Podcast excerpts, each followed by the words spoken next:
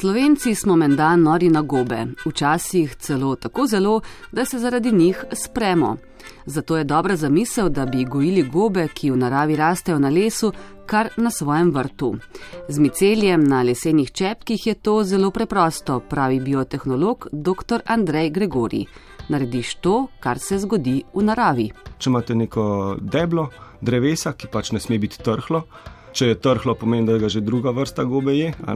V bistvu vzamete to deblo, zvrtate lukance noter, date te čepke, na katerih je recimo miceli, to se po seminarnah dobi zakupati. In postavite nekam v senco. Nekako morate take pogoje narediti, kot je v nekem gozdu, se pravi, da je vlažno, da se ta debla ne, ne, ne izsušijo, da ima miceli dejansko ugodne pogoje, da to deblo preraste in iz njega poženejo gobe ven.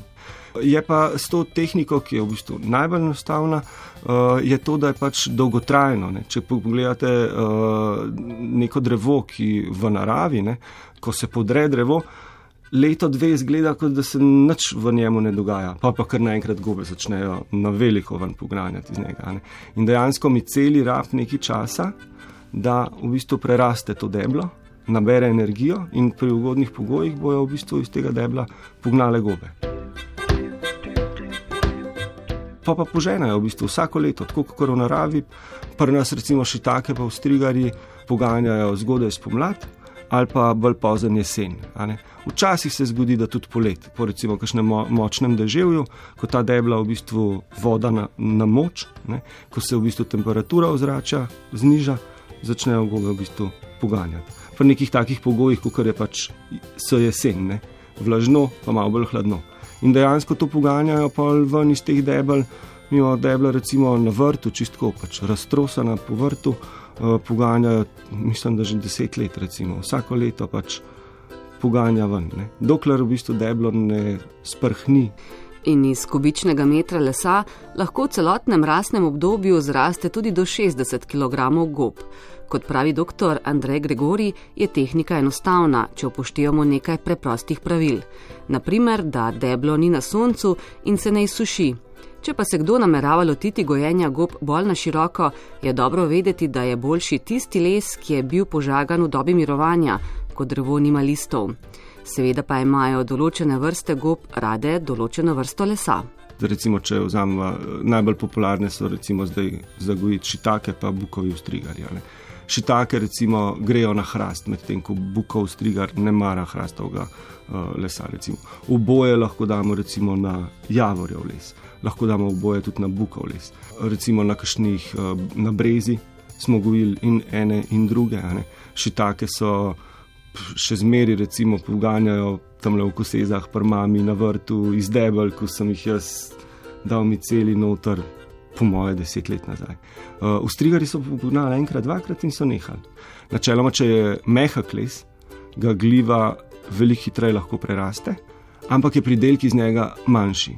Pri tem je v bistvu pri tej tehniki gojenja na, na, na, na deblih, je važno samo to, da ne obupamo. V podjetju Andreja Gregorija Mikomedika se ukvarjajo tako z gojenjem gob, kot z izdelavo prehranskih dopolnil iz medicinskih gob.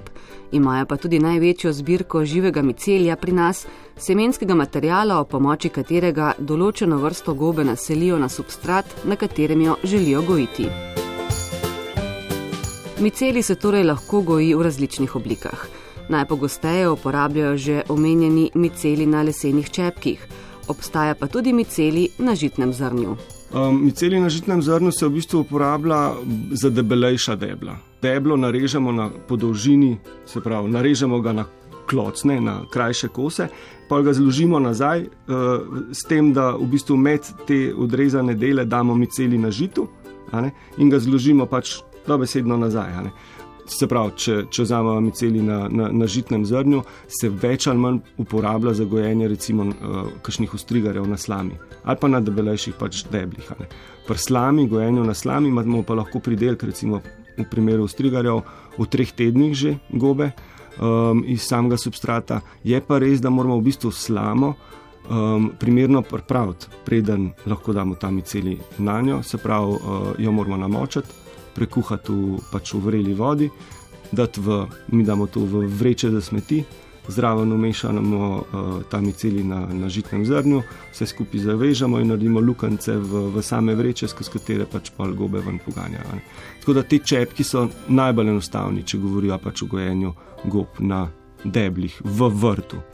Sicer pa se miceli na žitnem zrnju uporablja tudi pri gojenju kukmakov oziroma šampinjonov, ki jih naselijo na kompost. In če je bilo pred leti prav gojenje šampinjonov precej priljubljeno, kako je z zanimanjem za gojenje gob danes? Kaj pravi dr. biotehnologije Andrej Gregori? Ja, za nore gobe je veliko zanimanja med mladino. ne, um, Ljudi v bistvu malo mal se mi zdi, da so se naveličali gojenja solate in podobnih eh, polščin, če lahko rečem temu, in zelenjave, in v bistvu skozi iščejo nekaj novega. Ne. Poleg tega dejansko lokacija v vrtu, ki ni primerna za zelenjavo, je ponovadi idealna za gojenje gob, se pravi tam, kjer je neka senca. Kjer raste samo mah, pa bršljan na severni strani, recimo nekega objekta, kjer je pač ni, ni svetlobe za, za zelenjavo. Mimo grede. Torej, tudi gobe lahko gojimo na naših vrtovih, včasih pa se gobe oziroma gljive naselijo kar same. Juni je zaradi vlage in primernih temperatur nad vse ugoden za razvoj rastlinskih bolezni in razmah škodljivcev. Med bolj ogroženimi vrtninami sta paradižnik in krompir. In kako se bojevati proti njim ob pomoči narave. Največ težav tako z boleznimi kot škodljivci boste imeli na vrtu, če niste upoštevali kolobarja, če ste rastline posadili prehitro, če so preveč zgoščene ali pa niste upoštevali priporočil sonaravnega vrtnarjanja, pravi agronomka Jrneja Jošar. Veliko se da narediti z dobrimi, slabimi sosedami, ker druge drugi pomagajo pri uh, odganjanju škodljivcev, tudi pri boleznih. Zelišča uvrstiti v zelenjavni vrt, ker pač zelišča iz, um, oddajo terič eterična olja, ki neke vrste razkožujejo zrak, kar je super za bolezni. Uh, cvetje v vrt, cvetlice privabljajo, so zelo privlačne za naravne sovražnike, škodljivce privabljajo jih v vrt. Ko pa se težave pojavijo, pa seveda lahko posežete po popolnoma naravnih pripravkih za zaščito in krepitev rastlin. Pripravimo si jih iz rastlin na našem vrtu ali okolice in uporabimo, ko je verjetnost pojavljanja določenih škodljivcev in bolezni največja. Kamilice, uh, rman, timijan so recimo odlični za kakšne bakterijske glivične pripravke. Ne. Proti škodljivcem je potem, recimo proti ušem, je kopriva, to že vsak vrtičkar ve. Potem uh, česen in čebula sta prav tako za glivična obolenja. Skratka, različne stvari za različne uh, bolezni ali pa škodljivce. Proti plesnim so torej učinkovite bazilika, česen, čebula, žajbel, kamilica, proti rjam, pelin in njivska preslica, pripravki iz praproti, koprive, pelina bodo učinkoviti proti ušem, listje paradižnika ne prija gosenicam, proti čebulni muhi uporabimo korenjeve listje. Nora Barbara pa je univerzalna, saj ne prija ne ušem, ne gosenicam, niti ne škodljivim muham. Pri pripravi rastlinskih pripravkov ne smemo uporabljati kovinskih posod, naj bodo steklene, lesene ali plastične. Priprava pa je sila preprosta. Lahko se skuha čaj, dejansko v bistvu pri veliki, veliko stvarih jih lahko pač nabiramo preko celega leta, že prejšnje leto in uh, jih sušimo, tako kot jih pač uporabljamo potem za čaj, skuhamo čaje in uh, poškropimo po rastlinah.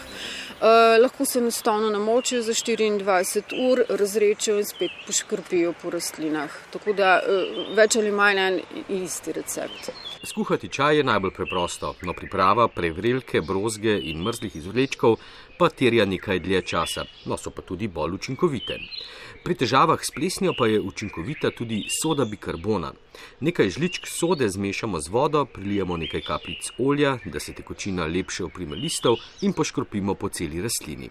Uporabite pa lahko tudi mleko naj tukaj povem, surovo mleko mora to biti, ne, ki je še živo. Uh, preprečuje tudi glivično obolenje, predvsem pri paradižniku se to zadnja leta uh, pojavlja, ogromni napadi krompirjeve oziroma paradižnikove plesne. Ne, tako da bi se naj tudi preventivno za tem špricalo po vsakem dežju. Uh, ker enostavno ti rastlinski naravni pripravki ne delujejo sistemično, se pravi, ne grejo tako globoko v rastlino, da bi potem od tam delovali na vzven, kot pač to kemične stvari delujejo. V primerjavi s kemičnimi sredstvi je učinkovitost naravnih nekoliko slabša, kar pa nadoknadimo z redno uporabo in predvsem, kot smo slišali Jrnaja Jošar, po vsakem dežju. Nikoli pa ne škropimo ob vročini v sončnem vremenu, vedno le v večernih urah. Mimo grede. Naš radijski gartalc.